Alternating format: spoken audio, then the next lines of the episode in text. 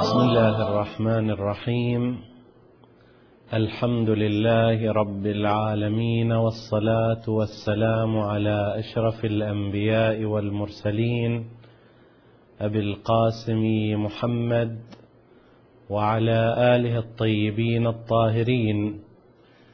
السلام عليكم أيها الإخوة المؤمنون أيتها الأخوات المؤمنات. ورحمة الله وبركاته. جاء في دعاء الافتتاح هذه الفقرات. اللهم اجعله الداعي إلى كتابك والقائم بدينك. استخلفه في الأرض كما استخلفت الذين من قبله.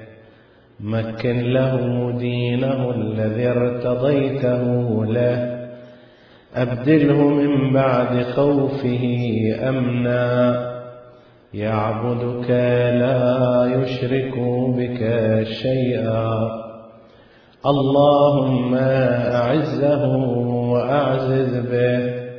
وانصره وانتصر به. وانصره نصرا عزيزا. وافتح له فتحا يسيرا واجعل له من لدنك سلطانا نصيرا. اللهم أظهر به دينك وسنة نبيك حتى لا يستخفي بشيء من الحق مخافة أحد من الخلق. هذه الفقرة تتكفل بالدعاء للإمام صاحب العصر والزمان عجل الله تعالى فرجه الشريف من قبل الإنسان المنتظر المؤمن.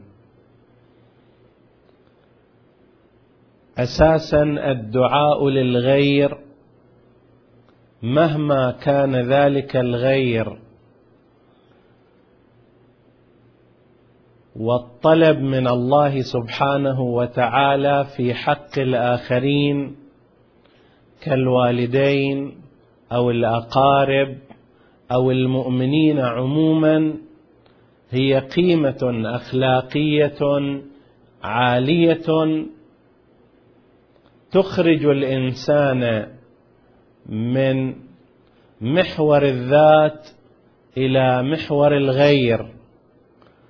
ومن طلب الخير إلى الذات فقط إلى فضاء أرحب وأوسع وهو طلب الخير لغيره أيضا. مما ينمي في هذا الإنسان حالة الإيثار وحب الآخرين. ولقد أمرنا في الأدعية أمرنا في الروايات أن نشارك إخواننا المؤمنين بالدعاء لهم وطلب الخير من الله إليهم. لكن الدعاء للإمام الدعاء للقائد يحمل معنى أكبر من ذلك فإنه علامة انتماء وإنه إعلان للموقف.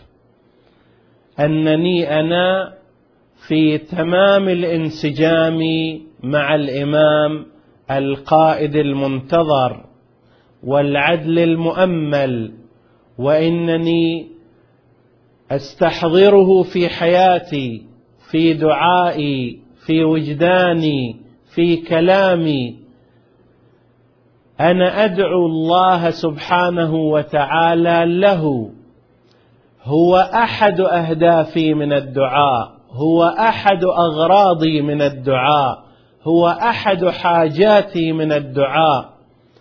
إذا كان لكل إنسان حاجات شخصية سواء منها الأخروية كالجنة والمغفرة أو الدنيوية كالرزق والنجاح والأولاد والصحة وما شابه ذلك فإن الإنسان المنتظر المؤمن بصاحب العصر في رأس حاجاته الدنيوية والتي لها أيضا انعكاس أخروي هو الدعاء بالفرج لصاحب العصر والزمان الدعاء بالنصر له. وهذا الأمر من جملة ما ينبغي من الإنسان المؤمن في زمان الغيبة. في زمان الغيبة يجب على الإنسان المؤمن عدد من الأمور منها أن يكون على خط الإمامة وعلى خط الانتظار. وأيضا من منها مما ينبغي له أن يقوم بالدعاء لصاحب العصر والزمان عجل الله فرجه أن يستحضر هذا الإمام في دعائه في خلوته مع الله سبحانه وتعالى بل أن يستشعر بحضوره ووجوده في كل حالاته فإذا رأى المظالم والمؤامرات الاستكبارية تذكر دولة العدل الإلهي المنتظرة وإذا ارتاح إلى نموذج من نماذج الجهاد والعلم والفضيلة تذكر الإمام صاحب العصر والزمان فإذا كان بعض البشر العاديين يحملون كل هذا الزخم من العطاء من الفضيلة من العلم من الإيمان. وهم بشر عاديون مأمومون. فكيف سيكون؟ ذلك الإمام المنتظر المتصل بالله سبحانه وتعالى. يدعو الإنسان المؤمن لصاحب العصر والزمان عجل الله فرجه. اللهم اجعله الداعي إلى كتابك والقائم بدينك استخلفه في الأرض كما استخلفت الذين من قبله. مكن له دينه الذي ارتضيته له ليكون مصداقا أعظم وأكبر للآية المباركة وللوعد الإلهي الحق. وعد الله الذين آمنوا وعملوا الصالحات ليستخلفنهم في الأرض وليمكنن لهم دينهم الذي ارتضى لهم وليبدلنهم من بعد خوفهم أمنا. هذا هو وعد إلهي والوعد الإلهي صادق لا يتخلف. أبدله من بعد خوفه أمنا يعبدك لا يشرك بك شيئا. هل تتصور أن الإمام الذي سوف يواجه العالم كله بأمر الله وبإذن الله إمام خائف؟ هل تتصور أن الإمام الذي أعد لهذه الثورة العالمية الشاملة يتخفى هنا وهناك هربا وخوفا؟ كلا. لا يمكن تصور ذلك لأنه على خلاف الحكمة الإلهية وعلى خلاف الوقائع التاريخية. أما على خلاف الحكمة الإلهية فإنك لو أرسلت شخصا خائفا لموقف شجاع فإنك تحسب عندئذ غير حكيم. كيف يرسل الله سبحانه وتعالى رسولا خائفا؟ كيف يعين الله إماما جبانا؟ لا يمكن ذلك. إني لا يخاف لدي المرسلون. فأوجس في نفسه خيفة موسى. جاءه النداء لا لا تخاف. إني لا يخاف لدي المرسلون. طبيعة المسؤولية التي يعين فيها الرسول ويجعل فيها الإمام من قبل الله تعالى. لا يمكن أن تقترن بالخوف على الذات. اذا ماذا يعني أبدله من بعد خوفه امنا يعني ذلك ما ورد في القرآن الكريم. فأوجس في نفسه خيفة. موسى ولم يخف موسى على نفسه كما يقول أمير المؤمنين في نهج البلاغة. ما خاف موسى على نفسه وإنما خاف دولة الضلال وغلبة الجهال. كان خوفه خوفا رساليا لم يخف على نفسه. كان خائفا على رسالته كان خائفا على الناس كان خائفا من أن ينتصر المستكبرون وأن يغلب الضالون. هذا هو منشأ خوفه وهذا موجود لدى الأنبياء.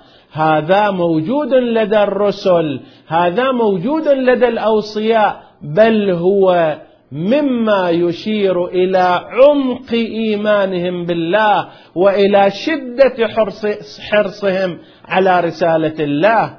يخاف النبي على الرسالة. يخاف الإمام على الرسالة.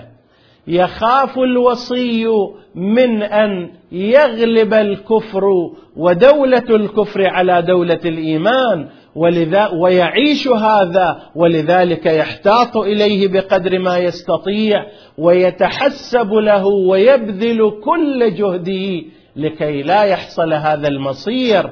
الإمام الحجة عجل الله تعالى فرجه معد لمواجهة أعتى القوى الاستكبارية فهل يعقل أن يكون خائفا خائرا جبانا؟ لا والله. هذا كآبائه الطاهرين لم تخالطهم في أنفسهم لحظة خوف ولم يخشوا في الله لومة لائم وإنما كان خوفهم على الرسالة خوفهم على العباد خوفهم على الشريعة خشيتهم من أن ينتصر. ذلك الخط المنحرف. يعبدون يعبدك لا يشرك بك شيئا. اللهم أعزه وأعزز به. طلب من الله بأن يعز الإمام سلام الله عليه. فإن العزة من الله ولله ولرسوله وللمؤمنين.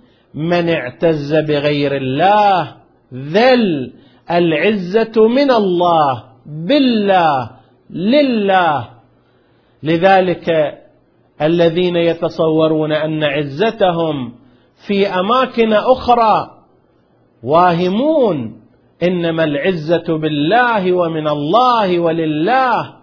اللهم أعزه وأعزز به أعزز به الدين أعزز به المؤمنين أعزز به المستضعفين هؤلاء الذين يلاقون العنة والجور والاضطهاد أعزز اللهم به هؤلاء وانصره وانتصر به.